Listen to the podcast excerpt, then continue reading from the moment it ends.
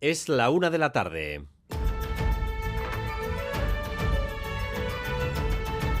Crónica de Euskadi con Dani Álvarez. A Rachaldeón, mañana se cumplirán 25 años del asesinato de Aitor Zabaleta, un joven seguidor de la Real que acudió junto a su pareja y sus amigos de la Peña Izar a Madrid a ver el partido de su equipo frente al Atlético de Madrid en el viejo Vicente Calderón. Aitor tenía 28 años y en los aledaños del estadio fue acorralado por un grupo de ultras nazis de un grupo autodenominado Bastión. Uno de ellos, Ricardo Guerra, apuñaló a Zabaleta que murió unos minutos después. Nuestro compañero Chema Oliden fue testigo de la secuencia cuando de repente apareció eh, Verónica, la novia de, Aitor, llorando, desconsolada, y eh, a su lado venía también Aitor doblado. No sabíamos realmente qué pasaba y Veró nos sacó de, dudas. Eh, le han pinchado, le han pinchado, le han pinchado a Aitor. El asesino fue condenado a 17 años de cárcel. Han pasado 25 años, pero la memoria de Aitor se sigue mancillando en el campo del Atlético de Madrid con frecuencia.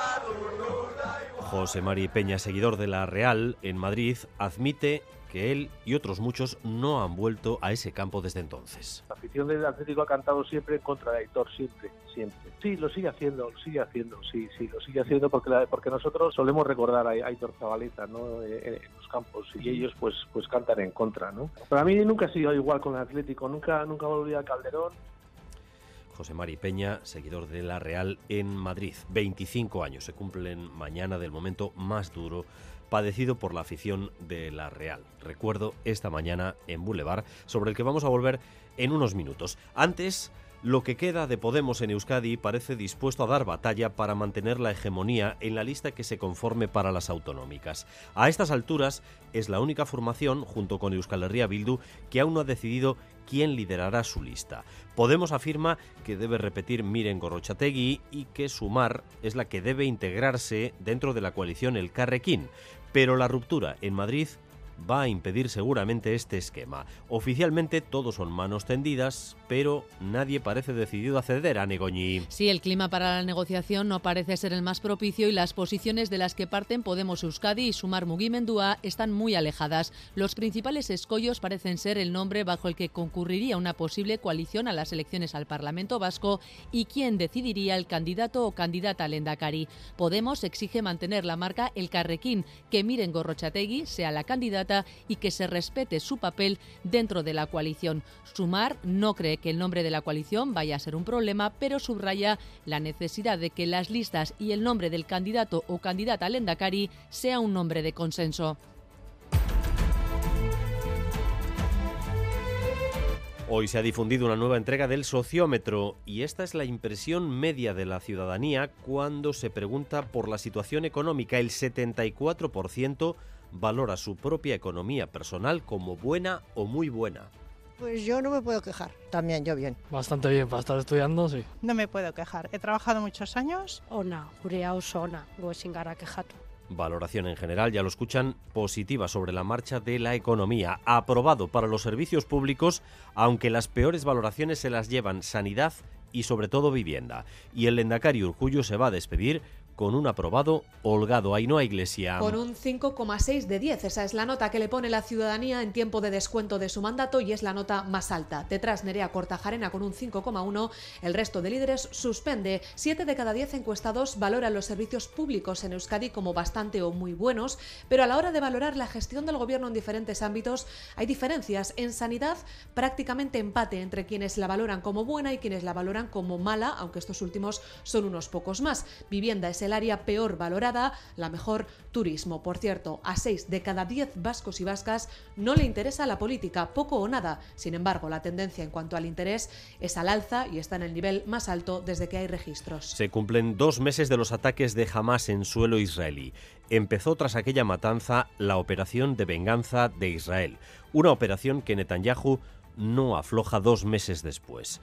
Cada vez menos países le respaldan con entusiasmo cada vez más personas utilizan la palabra genocidio. Óscar Pérez. Son ya 16.800 los muertos palestinos en los dos meses, según un nuevo balance hecho público hace unos minutos por las autoridades locales. Cerca de 8.000 de ellos son niños. Israel mantiene cortado el agua, la electricidad y el carburante.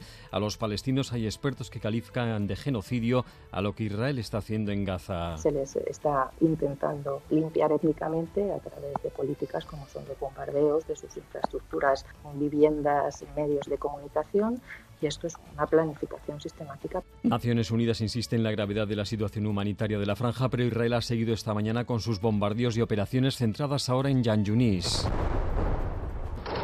Antonio Guterres ha invocado el artículo 99 que le permite instar al Consejo de Seguridad a debatir sobre un asunto que pone en peligro la seguridad internacional. Israel ahora le acusa de proteger a Hamas. Ambientazo también en Durango, la cita más importante del año con la cultura ya rebosa de público y de actividades y allí está Galder Pérez. Arrachaldeón Galder.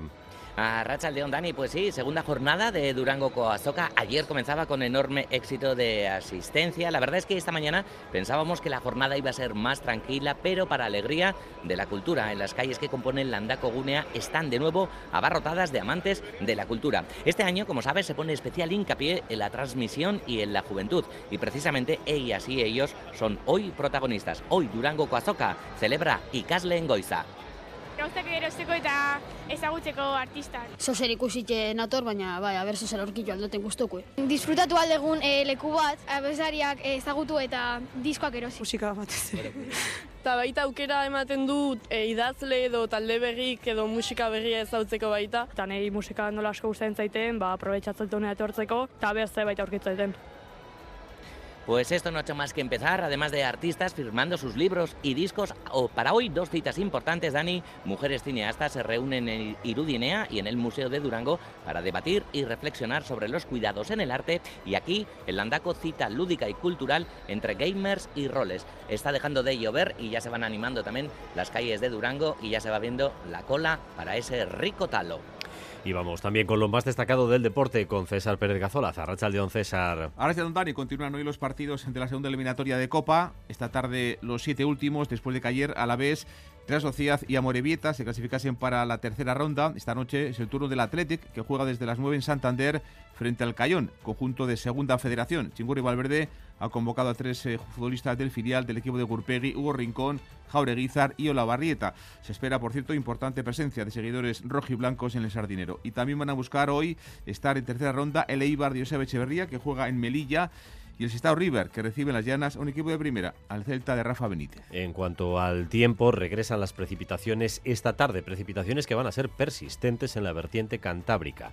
También durante la jornada de mañana. El viento del suroeste se está haciendo notar en Vizcaya, lo ha hecho desde primera hora con rachas fuertes y muy molestas en algunas zonas, hasta 120 kilómetros por hora, por ejemplo, en la Arboleda y en Machichaco. Hay 15 grados de temperatura en Bilbao, 13 en Donostia y en Bayona, 8 grados en Gasteiz y 5 en Iruña. Y en las carreteras ahora mismo dos puntos con retenciones. En la salida de Bilbao por el alto de Necuri se han registrado dos accidentes prácticamente simultáneos y aunque están resueltos a esta hora se acaban de reabrir los eh, carriles, todos los carriles y por tanto en esa zona hay problemas, salida de Bilbao por el alto de Enecuri y retenciones también por afluencia de vehículos en la recta del Max Center en sentido hacia Cantabria. Gracias un día más por elegir Radio Euskadi y Radio Vitoria para informarse. Raúl González y José Ignacio Revuelta en la dirección técnica y Manol Manterola en la coordinación. Crónica de Euskadi con Dani Álvarez.